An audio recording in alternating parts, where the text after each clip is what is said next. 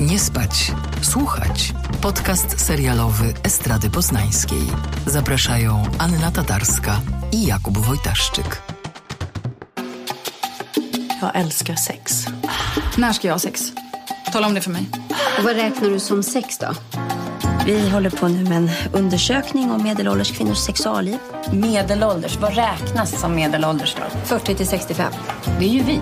Välkommen till dödens planhalva. Härifrån går det bara ut för.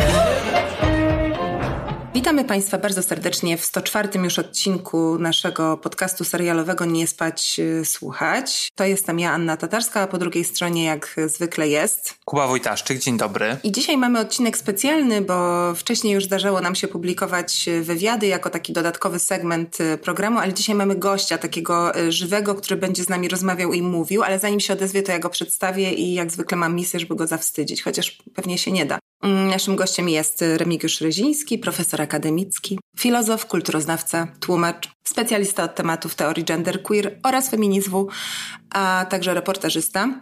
Autor m.in. takich książek jak Foucault w Warszawie, Dziwniejsza historia, Moje życie jest moje i Hyacynt.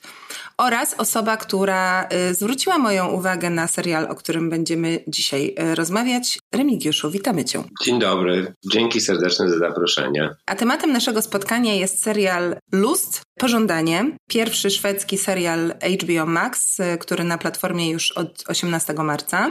I jest to komedia, taka dość niegrzeczna, opowiadająca o seksualności kobiet po czterdziestce Podobno pomysłodawczyniami pomysłu na scenariusz były same aktorki, które e, producentce e, serialu Sandrze Harms wyłuszczyły, że kiedy aktorka kończy lat 40, to wszystkie propozycje, które potem dostaje, właściwie całkowicie pomijają tę sferę seksualną. I stąd wzięła się opowieść o czterech przyjaciółkach. Myślę, że one tam mają około 45 lat które znają się od czasów e, podstawówki. Każda jest w nieco innej życiowej sytuacji, na innym etapie, jeśli chodzi o takie kwestie jak rodzina, dzieci, kariera. Powiedzielibyśmy też, że e, różni ich, e, różni je e, status społeczny oraz zasobność kieszeni i portfela też, ale wciąż się spotykają i rozmawiają, i rozmawiają właśnie w dużym stopniu o tym, co tam u nich słychać, albo raczej czego w ogóle nie słychać w łóżku, na blacie kuchennym i w innych miejscach, gdzie można uprawiać lub nie seks. No i takim hasłem, które oczywiście, co jest całkowicie zrozumiałe, mm, gdzieś tam próbuje ten serial promować, jest, że to jest skandynawska odpowiedź na kultowy seks w wielkim mieście. No i chyba od tego pytania chciałam e, zacząć. Nie wiem, e, na ile jesteście e, obeznani, jeśli chodzi o temat seksu w wielkim mieście. Ale czy to porównanie w ogóle ma, ma jakikolwiek sens, a jeśli nie, to dlaczego? To znaczy, moim zdaniem, jeśli mogę, to, to tak, oczywiście, no, no, no pewną jakąś taką klasyczną formą opowiadającą o właśnie przyjaciółkach, zazwyczaj właśnie czterech, z pewnością realizuje i, i jest najbardziej rozpowszechniony właśnie seks w wielkim mieście, ale temat zaczyna się, y, myślę sobie, że przynajmniej od y, The Golden Girls, czyli lata 90., kultowa produkcja amerykańska i w jakimś sensie, nie chcę tutaj oczywiście e, od razu przesądzać i w ogóle wy, wy, wiesz, wychodzić z jakąś oceną, ale e, w jakimś sensie, jak tak sobie myślę o tych różnych pro, produkcjach typu Seks w Wielkim Mieście, Girls czy e, Big Little Lies, no i właśnie ten serial nasz Last szwedzki, to, to, to, to, wydaje mi się, że The Golden Girls są jakby najbardziej takie odważne i sensowne i, i, i do przodu i, i, i burzące stereotypy, bo tak naprawdę tam pojawiają się tematy, które są powielane. Gdzieś tam pewnie schematycznie, w różnych innych produkcjach właśnie takich, które opowiadają historię kobiet. Natomiast Golden Girls e, mają najbardziej progresywne w wielu, wielu momentach e, opinie, doświadczenia i pokazywane jest to w taki sposób, że e, można się zachwycić, nie tylko obśmiać. No bo jednak serial Last jest serialem komediowym.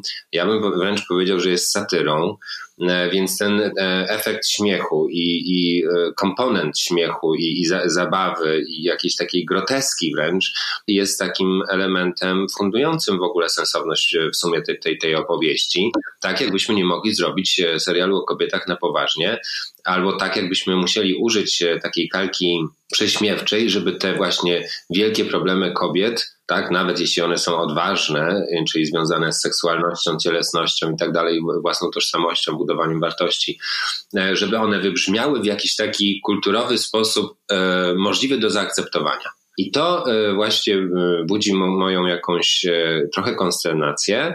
Jakkolwiek rzeczywiście, Aniu, tak było, że jak się spotkaliśmy, to, to istotnie ja byłem zachwycony tym serialem. Byłem w trakcie oglądania tego serialu, byłem rzeczywiście, wydawało mi się, i, pewnie gdzieś częściowo tak nadal jest, że jest to bardzo, bardzo ciekawa produkcja, odważna, pokazująca różne konteksty, też zwłaszcza, że jest to produkcja szwedzka, więc ze świata, który jest najbardziej progresywny, progresywny, inkluzywny, politycznie poprawny i tak dalej. Więc te wszystkie elementy wydawały mi się super, super ciekawe.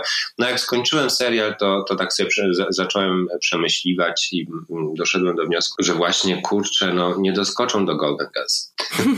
Ja myślę, że to jest taka poprzeczka, do której doskoczyć jest y, bardzo trudno z wielu względów, też tych, o których tutaj już wspomniałeś, ale zanim przejdziemy do tego etapu dekonstruowania tego, co być może z pożądaniem jest, jest nie tak, albo gdzie popełniono pełne, pewne błędy, to ja podpytam Kuby, bo wiem, że on deklarował przed naszym nagraniem, że e, jak to się mówi, zbingował ten serial na raz na co ja sobie nie mogłam pozwolić, ale chyba też by tak było, gdybym mogła, więc e, Kuba, co z ciebie z kolei tutaj zachwyciło, bo zwykle jesteś tym, e, tym marudnym, więc cóż się zadziało? Chciałem powiedzieć, że byłem wtedy w Neapolu i zamiast zwiedzać Neapol, siedziałem przed komputerem, więc pozdrawiam siebie.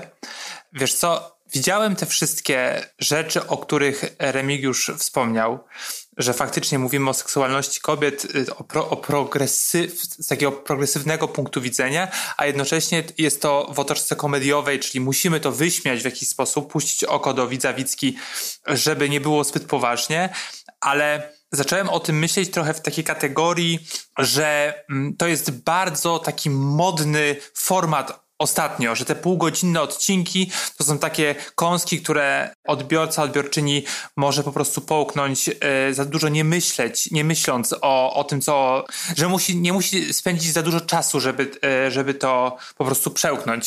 I z takiego punktu widzenia e, wyszedłem oglądając to i faktycznie bardzo się śmiałem, dlatego, że to było takie lekkie, łatwe i przyjemne, a jednocześnie dostawaliśmy taką feministyczną, bym powiedział, pigułkę, dlaczego warto pokazywać kobiety po czterdziestce w taki, a nie inny sposób. Nie jako e, matki, nie jako już czasami babki, tylko właśnie kobiety, które e, no, uprawiają seks, żyją własnym życiem e, i chcą się jakby, nie wiem, dalej rozwijać, powiedzmy. I też mogą im się zmieniać różne perspektywy na, na życie i, i też w, po czterdziestce można dojrzewać, zmieniać się i tak dalej. I to mi najbardziej, najbardziej mi się to podobało. Ja muszę przyznać, że dla mnie komediowe jest samo założenie branży, z którym między innymi ten serial walczy, czyli że po 40 to tylko śmierć. To jest coś, czego nigdy nie rozumiałam, bo y, mam wrażenie, że wszystkie najciekawsze osoby, które w swoim życiu poznawałam i najbardziej ekscytujące były starsze, więc myślę, że, że, że to jest jedna z tych wielu rzeczy, które y, branża na szczęście y, nadgania, aczkolwiek są tutaj też na pewno motywacje po prostu czysto komercyjne czy finansowe i dlatego ta komediowa otoczka tak bardzo mi nie przeszkadza, bo myślę, myślę, że to jest po prostu decyzja strategiczna. Tak jak Kuba wspomniał, krótki format, y, atrakcyjny format y, komediowy, który nie odstrasza na, na wstępie, y, sugerując, że oto będzie kolejna opowieść o tym, jak to trudno jest być e, kobietą w tym męskim świecie, że jest to po prostu coś, co ma szansę te jednak ciężkiego kalibru też wątki, bo tam jest ich bardzo dużo, sprzedać. Coś, o co chciałam teraz podpytać Remigiusza, e, bo to jest e, też temat, o którym my z Kubą często rozmawiamy. Żyjemy w takich czasach, że e, w dyskusjach wokół kina, wokół seriali dużo mówi się o tym, co wolno pokazywać, czego nie wolno pokazywać, jak wolno pokazywać, a jak nie. Często dyskutujemy o tym, że jakiś wątek, e, użyjmy tutaj słowa wytruchu, kontrowersyjny, został pokazany w sposób na przykład pozbawiony wyczucia, e, że niekoniecznie jest to kwestia tematu, tylko formy, ale też, że są tematy, które z góry wiadomo są trudniejsze I tutaj takich tematów jest bardzo dużo, poczynając od tego najbardziej konwencjonalnego, czyli co robić, jak w związku jest zdrada na przykład i czy się ją da przepracować, czy nie. Wchodząc w tematy nieco trudniejsze, takie jak na przykład gwałt małżeński, czy rasizm i stereotypy e, z rasizmem e, związane e, mają jakieś śliskie, że tak powiem, miejsce w życiu seksualnym i naszej intymnej przestrzeni. No i też powiedziałabym seksualne traumy z okresu dojrzewania, przemoc w seksie. No dużo takich tematów, o których mówimy trochę za mało. Czy to jest dobrze, że one tutaj zostały ugryzione, czy jednak twoje nowe teraz spojrzenie, odświeżone spojrzenie na serial mówi, że coś tam zgrzyta i jest nie tak? Tak, ja myślę sobie tak, że, że przede wszystkim wartością tej, tej, tej produkcji jest to, że, że, że istotnie pokazuje tematy, tak jak mówiłaś, kontrowersyjne e, i jest tutaj duży, duży nawias, wiesz, e, czy cudzysłów, takie, o których e, pewnie gdzieś tam społecznie nadal jest niełatwo mówić. No i, i, i tutaj znowu rzeczywiście te tematy są niezwykle istotne, niezwykle ciekawe, dobrze pokazane, ale właśnie trochę prześmiewczo lub, lub w konwencji satyry, z tego względu, że e, no, produkcja bawi się z, ze stereotypami, odwracając je. I rzeczywiście w kontekście kulturowym Szwecja, w takim kraju, gdzie e, jest bardzo daleko posunięta walka z rasizmem, z e, homofobią, czy szerzej z, z uprzedzeniami wobec jakkolwiek pojętej nienormatywności, ta, ta sama Szwecja w jakiś sposób pokazana jest tutaj jako kraj, czy, czy przestrzeń taka, w której owszem wiemy, co należy należy myśleć, robić i jak działać, i to jest bardzo piękne i szczytne, ale to nadal pozostaje w jakimś stopniu jednak teorią i napotyka bardzo duży sprzeciw, powiedziałbym nawet nie, że społeczny, bo społeczeństwo jest na to gotowe i przygotowane i tego chce, tylko taki e, jakiś patriarchalny, bo, bo nagle, wiesz, na, na końcu czy, czy finalnie zawsze okazuje się, że jednak ten e, schematyczny, biały, cisgenderowy, heteronormatywny mężczyzna pozostaje królem i władcą i pozostaje, jak mówiła Simone de Beauvoir w 1947 roku w centrum Powtarzam, 1947. I to jest e, jakby takie, takie, powiedziałbym, przekleństwo feminizmu, że ciągle e, w produkcjach dotyczących tego e, jakby zagadnienia, czy tych przestrzeni, w których tożsamości kobiece mogą się, nie wiem, ujawniać, mogą pokazywać swoją wielowarstwowość, różnorodność i tak dalej, one ciągle są w odniesieniu do jakiegoś centrum, którym właśnie jest ten mężczyzna. A to jako provider, a to jako kochanek, a to jako mąż, a to jako ten, który ma się troszczyć i opiekować i bez którego właściwie e, świat runąłby i, i nie, nie, mógłby funkcjonować i istnieć. I rzeczywiście, owszem, pokazane są, no, wymieńmy jakieś tak, e, elementy. Na przykład jedna z bohaterek e, sprzedaje samochody sportowe, czyli wchodzi w rolę taką, która jest przypisana powiedzmy mężczyźnie albo, albo jakąś taką super zmaskulinizowaną pozycję, w której ona zdobywa oczywiście klientów, jest, jest przekonująca, jest absolutnie z sukcesem. Przy czym jak przyjrzysz się tej postaci, to nagle się okazuje, że po pierwsze, ona, żeby sprzedać samochód, musi epatować swoją seksualnością i cielesnością, mężczyźni nie. Po drugie, w momencie, kiedy następuje jakby taka, ta, ta, taka e, autorefleksja, że ona jest właśnie tą kobietą po 40, a do tego chciałbym wątku jeszcze wrócić, no to, no to przychodzi jakiś, jakiś niesamowity, wiesz, schematycznie pokazany szef, który mówi sobie, no ty tutaj masz wąskie usta, no to właściwie się nie nadajesz do tego, żeby sprzedawać te szybkie samochody, bo one są tak jakby takim symbolem, e, wiesz, progresu i odwagi, no to, no to tutaj mężczyźni nie będą ci ufać, którzy mężczyźni, którzy kupują te samochody, no bo kobiety nie, więc przeniesiemy cię na dział rodziny. I ona, y, no i ta scena jest oczywiście groteskowa, no bo ona nagle z tej super seksownej laski staje się pancią, która y, siedzi w jakimś takim kombinezonie, no i ma sprzedawać, wiesz, jakieś takie y, samochody, w których podróżują rodziny. Ale ona sama zaczyna zastanawiać się, że, czy rzeczywiście nie jest tak, że jej wąskie usta i, i, nie wiem, zmarszczki przy ustach pokazują to, że ona przestała być seksowna. Seksowna dla mężczyzny dla kogoś, kogo ona ma zdobyć i usidlić. Nawet jeżeli w jej przestrzeni jej rozumienia wolności Seks jest związany z, z, z, wymianą partnerów i z, z takim e, jednak e, z taką decyzją prawdopodobnie, która, która polega na tym, że ona się nie będzie wiązać, tylko będzie korzystać z życia. Zresztą jedna ze scen początkowych akurat w odniesieniu tutaj e, bohaterki pokazuje, że ona pyta swojego partnera, na ile wygląda. Czyli ciągle i tutaj, i wracając właśnie do tego motywu, o którym też e, i my mówimy. Co to znaczy kobieta w średnim wieku?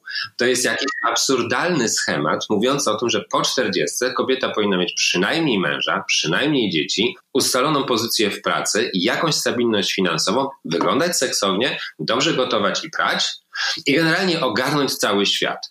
I nadal nie będzie atrakcyjna, ponieważ jest kobietą w średnim wieku. Przy czym mężczyzna w średnim wieku ma drugie rozdanie. Staje się nagle znowu atrakcyjny ze względu na swoją pozycję, na władzę, na to, jak wygląda również na e, pewne jakieś takie usiedlenie, wiesz, czy, czy zajęcie miejsca w przestrzeni jako, jako ten, który nadaje ton, również w dyskusji, więc on jest atrakcyjny, a ona musi o tę atrakcyjność walczyć. Nawet w społeczeństwie tak progresywnym jak szwedzkie, Dlatego za, zaczynam wiesz, zadawać pytanie, na ile to jest satyra na e, nieprzystosowanie do tego, o czym mówi e, kulturoznawstwo, gender studies i tak dalej, a na ile jest to e, satyra e, w istocie i, i, i obśmianie jakichś takich podstawowych zupełnie założeń e, feminizmu. A nie jest trochę tak, w sensie, oczywiście rozumiem i poniekąd się zgadzam z tobą o tym, co mówisz, tylko że akurat ta postać to jest moja, to jest postać Ellen, która jest moją ulubioną postacią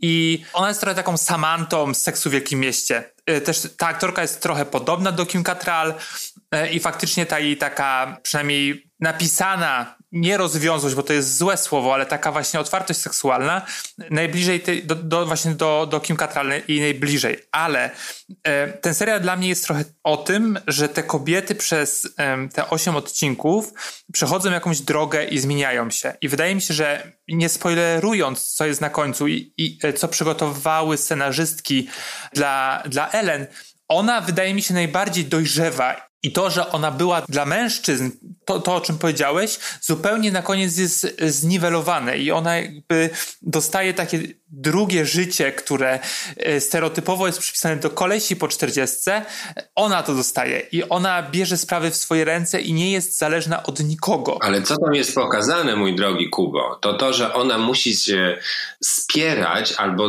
wiesz, dojść do jakiejś takiej siostrzanej walki między dwiema kobietami, wydawczynią oraz kobietą, która wydaje właściwe, prawdziwe książki.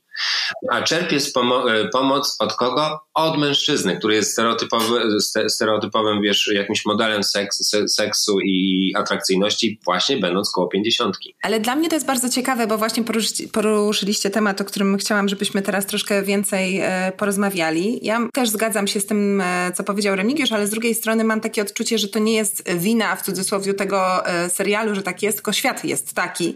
Więc mówienie o tym jest pokazywanie tego, może właśnie w takim krzywym e, zwierciadle, a potem odbicie się od tego jest też jakąś szansą na w pewnym sensie krytyczny e, wobec tego świata e, komentarz. To, co e, bardzo lubię w tym serialu, sama mam takie przyjaciółki z podstawówki, ciekawa jestem, że tak powiem, jak daleko, daleko zajdziemy, to pewna bezlitosność w pokazywaniu tych kobiecych relacji, gest, który pewnie niektórzy uznaliby za antyfeministyczny, Mam wrażenie, że ilekroć w odniesieniu do relacji kobiecych, tych bliskich, pojawia się spojrzenie, które jest w jakiś sposób cyniczne, sarkastyczne, to często te zarzuty o brak feminizmu się, się pojawiają, dlatego że tak jakby nie wolno powiedzieć nic złego na temat czegoś, co jest tak jakby w powijakach. To znaczy, ponieważ jakby ta feministyczna świadomość w branży, czy jakieś gesty równościowe w branży, to jest cały czas ten pierwszy etap, który wiążemy bezpośrednio z przełomem, który, który przy, przyniósł ruch mitu, to jeśli już mamy kobiety, e, serial, który chce się pozycjonować jako feministyczny, to mamy mówić o nich tylko dobrze, ale to by było nudne. Więc tutaj są też pokazane e, relacje w obrębie przyjaźni, które naprawdę nie są fajne. Tak jakby przypomnijmy sobie scenę, kiedy przyjaciółki umawiają się na, na tenisa. Wszystkie cztery pojawiają się e, ostatecznie w restauracji przy korcie i raz po raz któraś odchodzi, a te pozostałe dyskutują na temat tego, co u tamtej słychać, i zawsze pojawia się ten argument, że no daj spokój, wiem, że miałaś nie mówić, ale ona i tak mi powie, po czym za przeproszeniem obrabiają sobie dupę. I to tak naprawdę, y, naprawdę niefajnie. Sytuacja, o której wspomina y, Remigiusz, to jest y, napięcie między Ellen, już, już wspomnianą, a Martiną. Mm, Martina, jedna z czwórki, to jest pisarka należąca, co jest bardzo ważne i również jest źródłem komediowych napięć. Jest członkinią szwedzkiej akademii, akademii super zmaskulinizowanej i powiedziałabym takiej w, krzyw, w krzywym zwierciadle, bardzo elitystycznie przedstawionej w mm, tym serialu. No i Ellen pisze książkę, trochę w duchu pewnie taka Bonda spotyka Blankę Lipińską, tak to sobie wyobrażam, i prosi, co jest całkiem logiczne, swoją przyjaciółkę, pisarkę świetnie ustawioną, o, o pomoc i wsparcie w tym, żeby tę książkę jakiemuś wydawcy e, przedstawić. A Martina traktuje ją za przeproszeniem jak śmiecia bo przecież Ellen jest tą ładną, tą atrakcyjną, tą trzpiotką, ale na pewno nie umie pisać. Na pewno nie jest tak mądra jak Martina, która jest przecież członkinią szwedzkiej akademii. Podkreślmy to jeszcze pięć razy. No i w przyjaźń, która powinna być wspierająca i nieoceniająca, wchodzi natychmiast element oceny, protekcjonalne traktowanie i zachowanie, które bynajmniej nie ma nic wspólnego z siostrzeństwem, o które Martina na innych polach, jako kobieta y, zdradzona przez swojego partnera, rzekomo zabiega. Więc ym, dla mnie to jest ciekawe, bo ja mam wrażenie, że w tym sensie Pożądanie jest y, serialem, który jest dość demokratyczny w podejściu do różnych tematów, które przedstawia, i dlatego trudno mi jest go gdzieś tam pozycjonować jako jednak coś takiego trącącego myszką w pewnym sensie. A miałam wrażenie, że, że, że, że trochę to wynikało z, z Twoich wypowiedzi.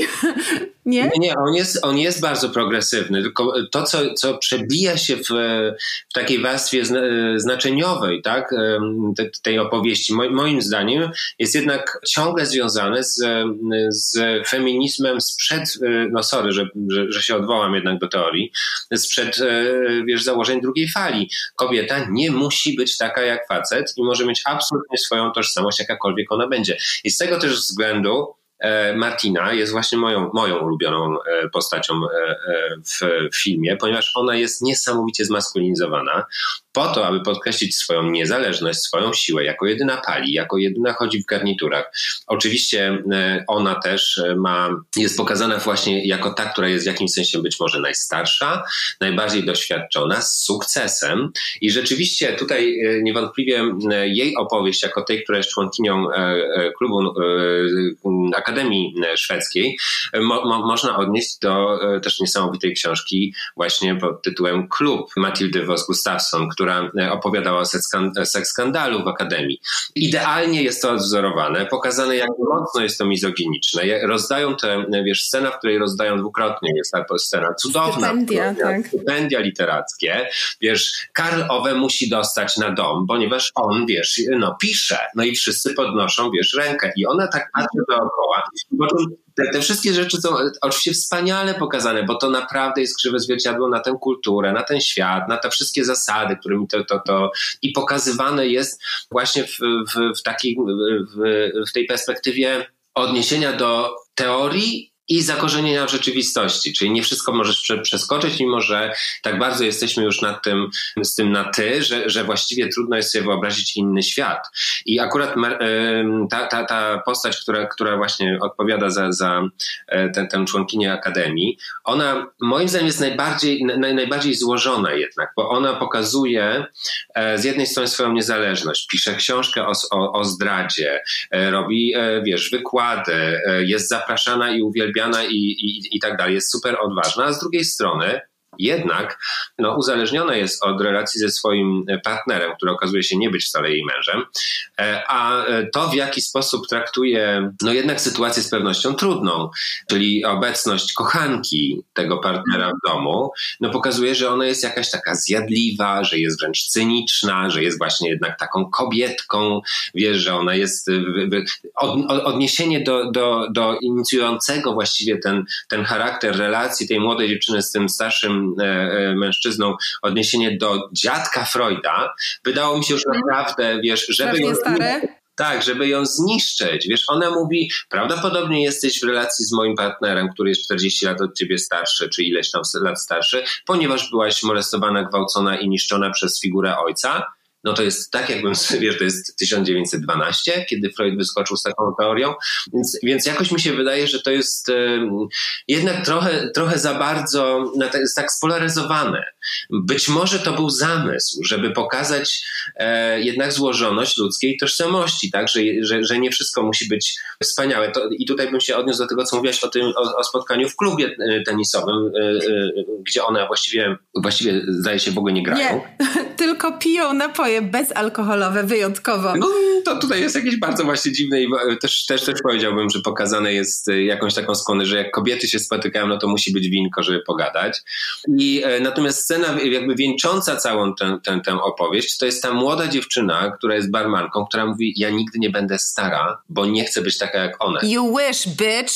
Tak, trochę tak. I wiesz, i e, to jest właśnie ta, ta zmiana pokoleniowa i, i, i, i ciągłe, e, ciągłe jednak wibrowanie i powracanie tego no, no starego jakby schematu, wiesz, przenoszenia wartości z pokolenia na pokolenie i kobiecości jako, e, jako formy po prostu, do której musisz doskoczyć i która jest, e, funkcjonuje właśnie w takim społeczeństwie patriarchalnym, zmaskulinizowanym, które musi być no wręcz groteskowa. Jeśli mogę jedno zdanie powiedzieć, to e, jakby badając właśnie, e, badając czy zajmując się generalnie historią e, psychoanalizy, też teraz mi przychodzi do głowy taka postać, zresztą też kultowa, Luandra Salome, która przeszła do historii jako ta, która była związana z Nietzschem, z Freudem, z Rilkem. I e, mimo, że była świetną pisarką, e, biografistką, e, absolutną rewolucjonistką, zajmowała się psychoanalizą, przeszła do historii jako niemalże taka fan fatale, która po prostu gdzieś w życiu tych mężczyzn się pojawiała, inspirując ich do twórczości, no i sama została właśnie jakimś takim cieniem. Przy czym ona naprawdę była super, wiesz, fantastyczną osobą. To jest jakieś lata 20-30 1900 i nagle, wiesz, 100 lat później mam opowieść o tym, że właściwie schemat się nie zmienił. Że nadal, e, nadal jest e, jednak e, no, ta funkcja, funkcja kobiet w społeczeństwie jest z góry ustalona i ona jest zależna od relacji z mężczyznami. Co myślę, prowadza nas do temat męskości pokazanej w tym filmie, ale to już od was zależy. Ten temat się poniekąd wiąże z y, czymś, na co chciałabym teraz trochę skierować nasze tory. Mam nadzieję, że to nie wyda Wam się nudne, bo y, tak jest na pewno pokazywane w popkulturze, czyli seks wyjęty z mitu romantycznego. To jest coś, co ja w tym serialu bardzo doceniam. Pamiętam, jak pierwszy raz usłyszałam od znajomych, i to byli znajomi 32-3, wówczas letni, ale oboje z y, chyba dwójką małych dzieci wtedy i z aktywnie rozwijającymi się karierami, że oni y, wpisują sobie randki i seks w kalendarz. Ja byłam w szoku. Ja w ogóle nie wyobrażałam sobie, że tak można. Mówię o ludziach mieszkających ze sobą. Nie, nie, to był związek y, taki zam, zamknięty dwuosobowy. Nie chodziło o innych ludzi, tylko o nich, o ich czas dla siebie. I pamiętam, że wtedy wydało mi się to jakieś, no w ogóle okrutne i, i pomyślałam sobie, życie się kończy, jak tak musisz robić. I nie chcę powiedzieć, że teraz y, tak robię, ale gdzieś ta myśl y, przestała mi się wydawać tak y, abstrakcyjna. Myślę sobie też, oglądając tyle tych filmów w ramach swojej pracy, że ten mit miłości, seksu, zmysłowości, która musi zawsze wynikać wyłącznie z jakiejś super spontanicznej namiętności, która jest wszechogarniająca i kompletna, a nie może być czymś śladowo bardziej codziennym, zwyczajnym i myślę, że takim właśnie y, symbolicznym zwieńczeniem tego jest wpisywanie tych dni na seks w małżeński grafik, co tutaj z kolei robi inna bohaterka Nadia, dla której notabene się to kiepsko kończy, ale to jest inna sprawa. Jakoś to jest coś, co mi się, y, co mi się spodobało, bo myślę, że to stoi w, w kontrze do jakiegoś takiego opresyjnego schematu, który też ja w głowie swojej łączę z um, tym takim wymogiem od kobiet, żeby były stale super seksualnie atrakcyjne i że to warunkuje ich na przykład udane życie seksualne. Jakoś, jakoś to, to mnie tak pozytywnie uderzyło. Nie wiem, co wy myślicie na ten temat. Jak najbardziej tak. To znaczy, ty powiedziałaś o Nadi. Mnie od razu się skojarzyło z Annette, czyli z tą taką główną bohaterką, którą gra Sofia ha Halin. Ona jest znana z takiego serialu Moz, Moz nad Sundem bodajże, bardzo popularnym. I tutaj jej mąż, który ma ewidentnie depresję, woli spędzać czas w swojej grocie i słuchać muzyki. E, I to jest Bonnie Tyler na przykład, e, co już jest też w ogóle a propos męskości pewnym przekroczeniem w jakiś sposób. Ona bada inne Szwedki i przeprowadza taką ankietę na temat seksualności, a sama jest właśnie jakby seksualnie no nieobecna. W sensie tego seksu między nią a mężem zupełnie nie ma. I bardzo mnie to ciekawiło, że ona zaczęła oglądać filmy pornograficzne, żeby znaleźć jak, jakąś tam tropy, które może wykorzystać u siebie w łóżku i faktycznie gdzieś to znajduje i wydaje mi się, że znajduje coś, co jest dosyć ostrym przekroczeniem takiej romantycznej miłości, o której wspomniałaś. I to e, mi się bardzo spodobało, bo jednocześnie jest takie cringe'owe dla mnie było oglądając ten serial, a jednocześnie mówię, ło, ale jakby coś niespodziewanego w serialu, i to było naprawdę fajne. A pamiętacie film Something About Mary z Cameron Diaz? Tam jest taka słynna scena, jak ona ma spermę we włosach. I to jest taki dowcip taki po prostu klasyczny dowcip punkt odniesienia. No więc ja dodam tylko, nie zdradzając tutaj dokładnie o czym mówi Kuba, że ogromnie mnie rozbawiło jak, jako taki po prostu wewnętrzne mrugnięcie oczkiem, jak ten serial, y, ten dowcip y, odwraca. Wydało mi się to jednak dość subwersywne. Tak, zwróćcie jeszcze uwagę, że Annette też jest bardzo ciekawa postać, to bo ona jest badaczką, e, badaczką seksu i seksualności, która nie uprawia seksu i nie ma żadnej relacji seksualnej, w związku z czym odkrywa seksualność e, tylko w opowieści, co jest trochę e, jednak związane z, z jakąś taką funkcją mimetyczną literatury czy opowieści jako takie, ale to jest jakby inna kwestia. Natomiast to, co jest ciekawe, to że ona mieszka pod jednym dachem z córką, która jest hiperseksualnie aktywna ze swoim partnerem na różne sposoby, a przede wszystkim głośno. I e, to jej bardzo przeszkadza i mieszka właśnie z tym mężem, który jest zupełnie no, nieseksualnie e, aktywny, czyli jakby zupełnie jest e, obojętny na, na aspekt seksualności i praktyk seksualnych i koncentruje się na swojej jakiejś tam właśnie tam związanej z muzyką i z, właściwie ze sprzętem bardziej pasji. No on jest audiofilem. Tak, i ta Annette co, na co mi zwróciła uwagę Kasia Surmiak, za co jej y, dziękuję, bo rozmawialiśmy też o tym se, se, y, serialu właśnie z nią i ona ma niesamowicie też bardzo trzeźwe, racjonalne, wspaniałe, wiesz, oko na tego typu rzeczy, żeby zadać sobie pytanie, czy aby czy aby na pewno jest tak, że e, ta postać pokazana jest jako postać realna? Bo z pewnością będą takie kobiety, które, czy osoby, które mimo braków w związku różnego typu, ale, ale w tym konkretnym przypadku braku seksu, czyli no, no niezwykle istotnej jednak części e, e, bliskości, relacji i tak dalej, czy małżeństwa tutaj wprost, ona decyduje się na to, że zostaje w tym wszystkim i właściwie to akceptuje i jakby finisz tego, tej opowieści wcale nie zwiastuje nic innego innego. Sorry, że za spoiler.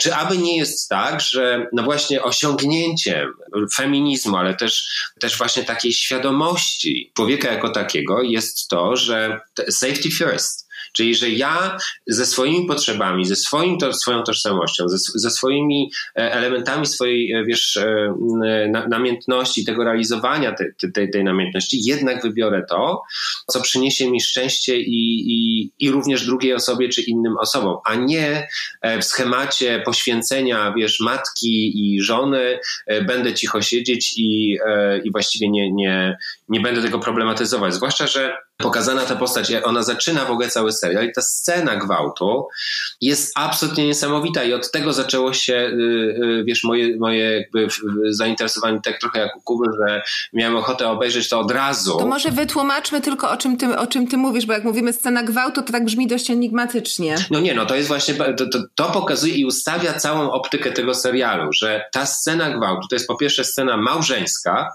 a po drugie odwróconych ról stereotypowych, czyli e, ona no, dokonuje aktów seksualnych na śpiącym, czyli nie, nieświadomym mężczyźnie. To potem wraca jako właśnie jak taki bumerang właśnie kulturowy, że kiedy pojawia się słowo gwałt, zresztą podsłuchane, przypadkowe, to, to, to, to staje się jakimś takim zaczynem całej całej gotowości na burzę kulturową, że to jest absolutnie, wiesz, wykluczone i, i ty zresztą słusznie. Ale w momencie, gdy okazuje się, że to ona dokonywała tego, tego czynu, nagle jest takie, okej, okay, co z tym zrobimy?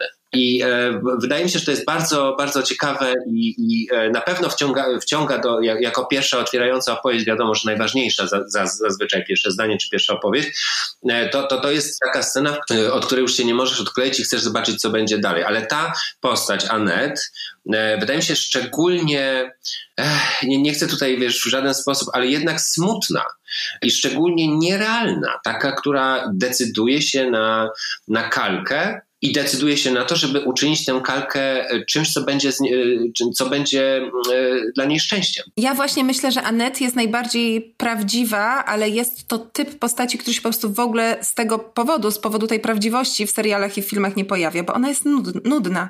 Ona jest nudna, w niej nic nie ma. Ja nawet oglądając ją myślałam sobie i dodam tutaj, nie jestem psychologiem, nie znam się, ale miałam takie wrażenie, że może ona jest osobą, która ma jakiś rodzaj nawet zaburzeń em, emocjonalności, w sensie tak jakby żyła w jakimś takim wytłumiającym rzeczywistość pojemniku, gdzie e, funkcjonowanie regulują funkcje, jakby cele i, i zadania. Stąd znaczące jest jej zajęcie, także jest analityczką i nawet przecież mówi, że ona jest specjalistką od metody, tak? Nie od badań, czyli temat badań nie ma żadnego znaczenia. To może być seks, a to może być, nie wiem, e, rozród tak? Albo eksport. I apolityczna jest, jest. Ona jest w pewnym sensie żadna. Ona jest y, funkcją, ona jest mechanizmem.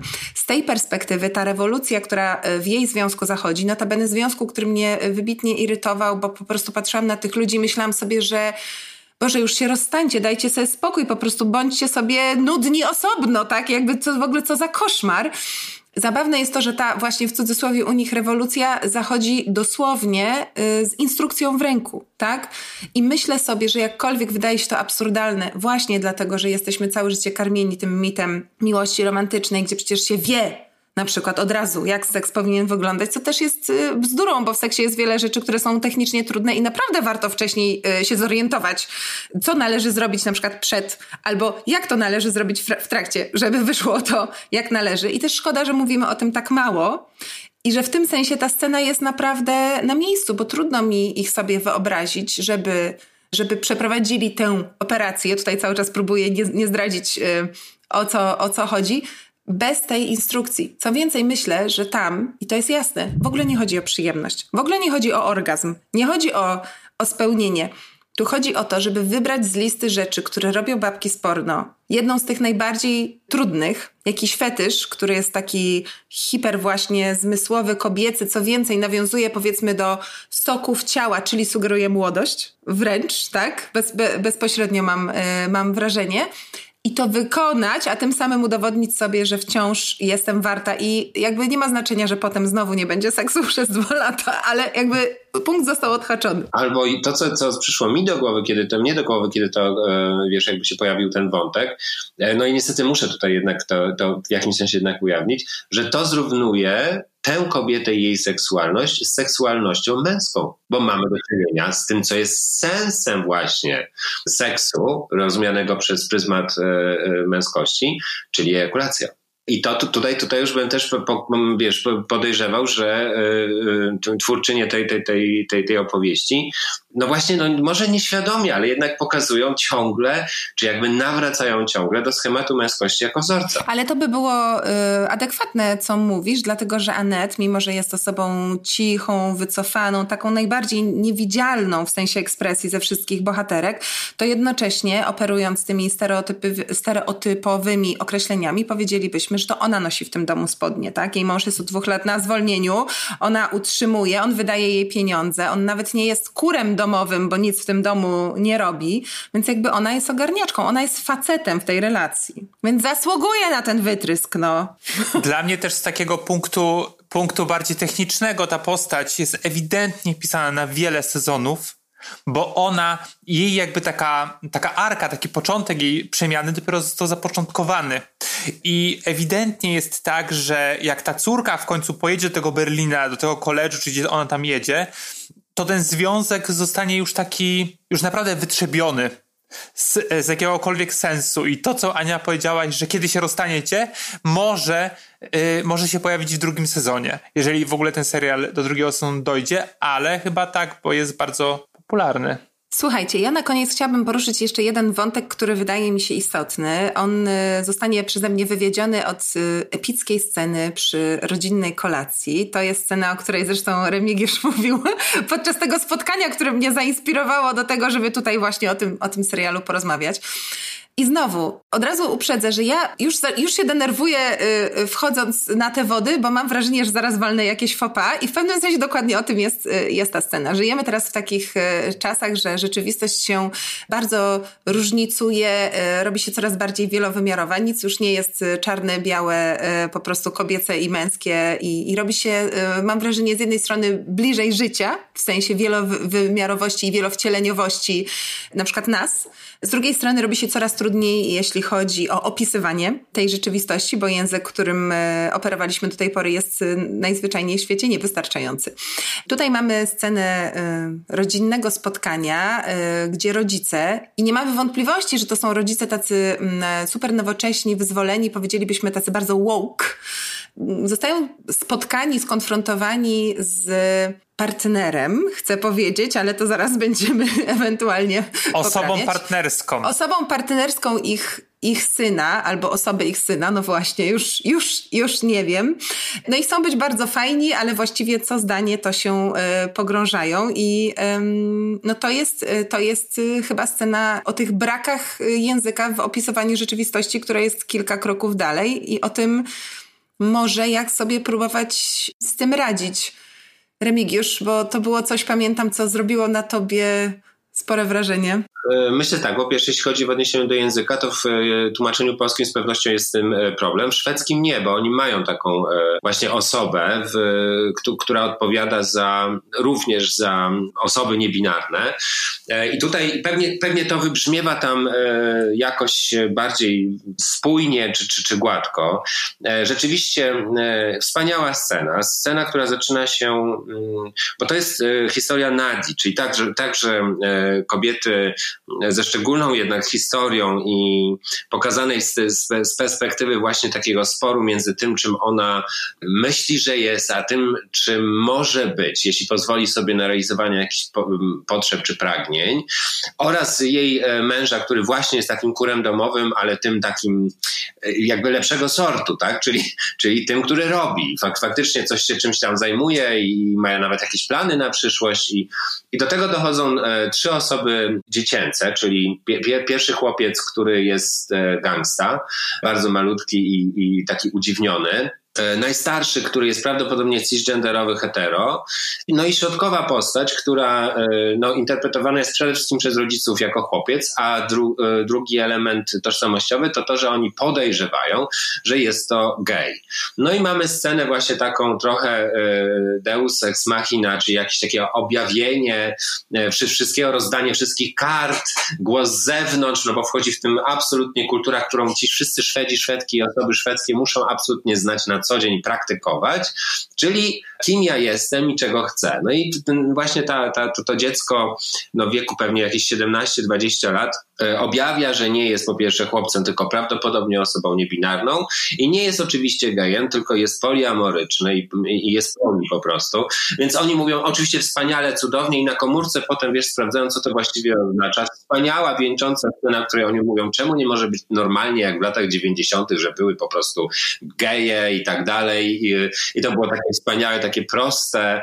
I, e, no i mamy spotkanie również takie, powiedziałbym, kulturowe, czy, czy na, na, na jakimś styku, no bo osoba partnerska tego, e, tego dzieciaka w sumie, no powiedzmy cały czas używajmy jednak takiej jakiejś formy inkluzywnej, jest przede wszystkim niebiała, e, jest wegańska, więc jakby spotyka się przy stole wszystko, co, w czym kultura wibruje i do tego jest absolutna, wspaniała scena, gdzie y, no, mężczyzna cisgenderowy, heteroseksualny i biały E, czuje się w obowiązku do tego, aby od, jakby wezwany przez współczesność pokajać się i jakby wziąć na siebie winę przemocy, którą, za którą stoi symbolicznie właśnie ten biały, cisgenderowy, heteronormatywny mężczyzna.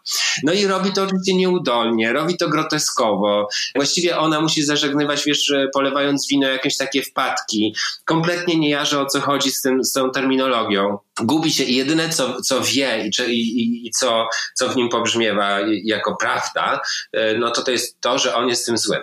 Tyle, że to nie jest pokazane w taki sposób na poważnie, tylko przez groteskę, czyli żebyśmy się do tego, temu, żebyśmy temu przyjrzeli się, czy to aby na pewno działa, bo w teorii, wiesz, w politycznej poprawności to jest oczywiście piękne hasło, tymczasem jak tu użyć języka, w jaki sposób sprostać tym wyzwaniom? I to trochę jest problematyczne, bo przecież widzimy, że jest to chłopak i gej. I po prostu wiesz, trochę jest to właśnie wkłada ten e, kij w mrowisko, zastanawiamy się, pobudza nas, jest to fantastycznie pokazane, ale z drugiej strony z jakąś taką, no, no właśnie no z taką chyba jakąś nie, nie, nieintencjonalną myślą, że świat był prosty i poukładany, jak, był, jak teoria była bardziej, wiesz, ograniczona i e, down to earth, nie? Czyli po prostu taka trochę bliż, bliższa ludziom. A teraz jak się okazuje, że jest różnorodność, to tak trochę nie wiemy, nawet w tym świecie szwedzkim, co z tym zrobić. Ale to jest też jedyna, jeszcze tylko jedno zdanie, jeśli mogę, jedyna scena, w której pobrzmiewa i wybrzmiewa też bardzo taki monolit jednak tej kultury, że wszyscy w tym serialu, oprócz tego chłopca przy stole, są biali.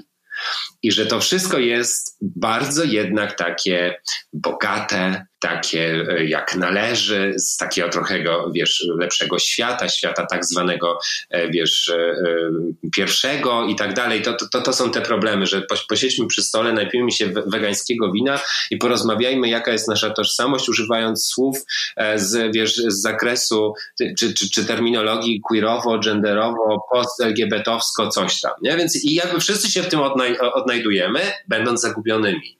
Więc być może, wiesz, ostatecznie to nie jest e, tylko groteska, tylko taka właśnie e, zachęta do tego, żebyśmy sami sobie zadali te, te, takie pytanie i postarali się przynajmniej sprostać właśnie temu wyzwaniu i starać się odpowiedzieć na to pytanie, kim jestem i czego chcę w tym świecie, w którym żyję. Ja muszę powiedzieć tylko, zanim jeszcze oddam na koniec głos Kubie, że ja oglądałam tę scenę i wyobrażałam sobie, y, jak taka scena mogłaby wyglądać w polskim domu i to było niezwykle optymistyczne i wręcz wzorowe poprowadzenie jakby możliwego scenariusza y, y, tej sytuacji. Brakowało mi tylko y, tych rodziców, jak wychodzą i patrząc sobie w oczy mówią do siebie ja pier ale no to by się nie mogło wydarzyć, bo to by właśnie sugerowało świadomość, prawda, niewystarczającej łąkowatości, no a jakby nie, nie, nie można było tego zrobić. Kuba.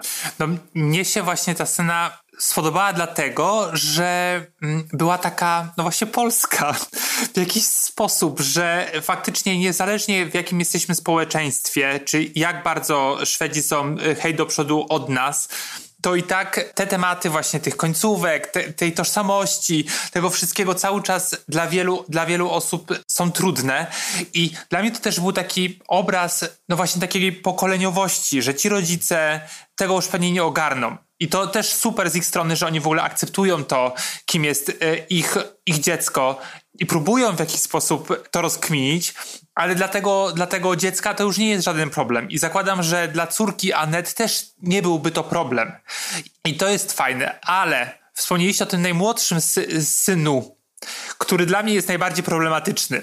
Że w sensie, no, młody hip-hopowiec, który e, uczy się życia z, z e, rasistowskich rapów, czy hip-hopu, ja się na tym nie znam zupełnie. No właśnie, tutaj ja bym tutaj e, pogrzebał bardziej chyba w wychowaniu i w naświetlaniu wielu spraw, e, bo jak takie pokolenie rośnie, to pozdrawiam. Ja myślę sobie, że, że każdy rodzic więcej niż jednego dziecka, ale może nawet jednego, e, sam dokładnie wie, gdzie czasami przeoczył, co jego dziecko ogląda i w tym wymiarze serial Pożądanie może zadziałać bardzo tak pedagogicznie i przypomnieć, że może jednak ten filtr filtr rodzicielski, nie jako metafora, tylko rzeczywista jakby aktywność, to jest coś, co się czasami, e, czasami przydaje. Słuchajcie, ja myślę, że y, można byłoby jeszcze długo o tym debatować, ale można byłoby też już y, tę debatę skończyć, bo wydaje mi się, że y, ruszyliśmy w sumie większość tych, tych zagadnień dotyczących serialu, szwedzkiego serialu Pożądanie, które myślę są tutaj kluczowe. E, więc e, pozostaje mi tylko e, podziękować w imieniu naszym, czyli Kuby. Bardzo dziękuję. Kuby Wojtaszczyka, oczywiście moim, Anny Tatarskiej, no i przede wszystkim naszego dzisiaj wyjątkowego gościa, który wniósł jakże e, profesjonalną, akademicką aparaturę do tej e, rozmowy i muszę przyznać, że e, działała ona wybornie, więc bardzo Ci dziękujemy, Remigiusz Reziński. Pięknie dziękuję wszystkim. I oglądajcie, oglądajcie jednak, co? No to ja tak. Tak, tak, oczywiście, absolutnie.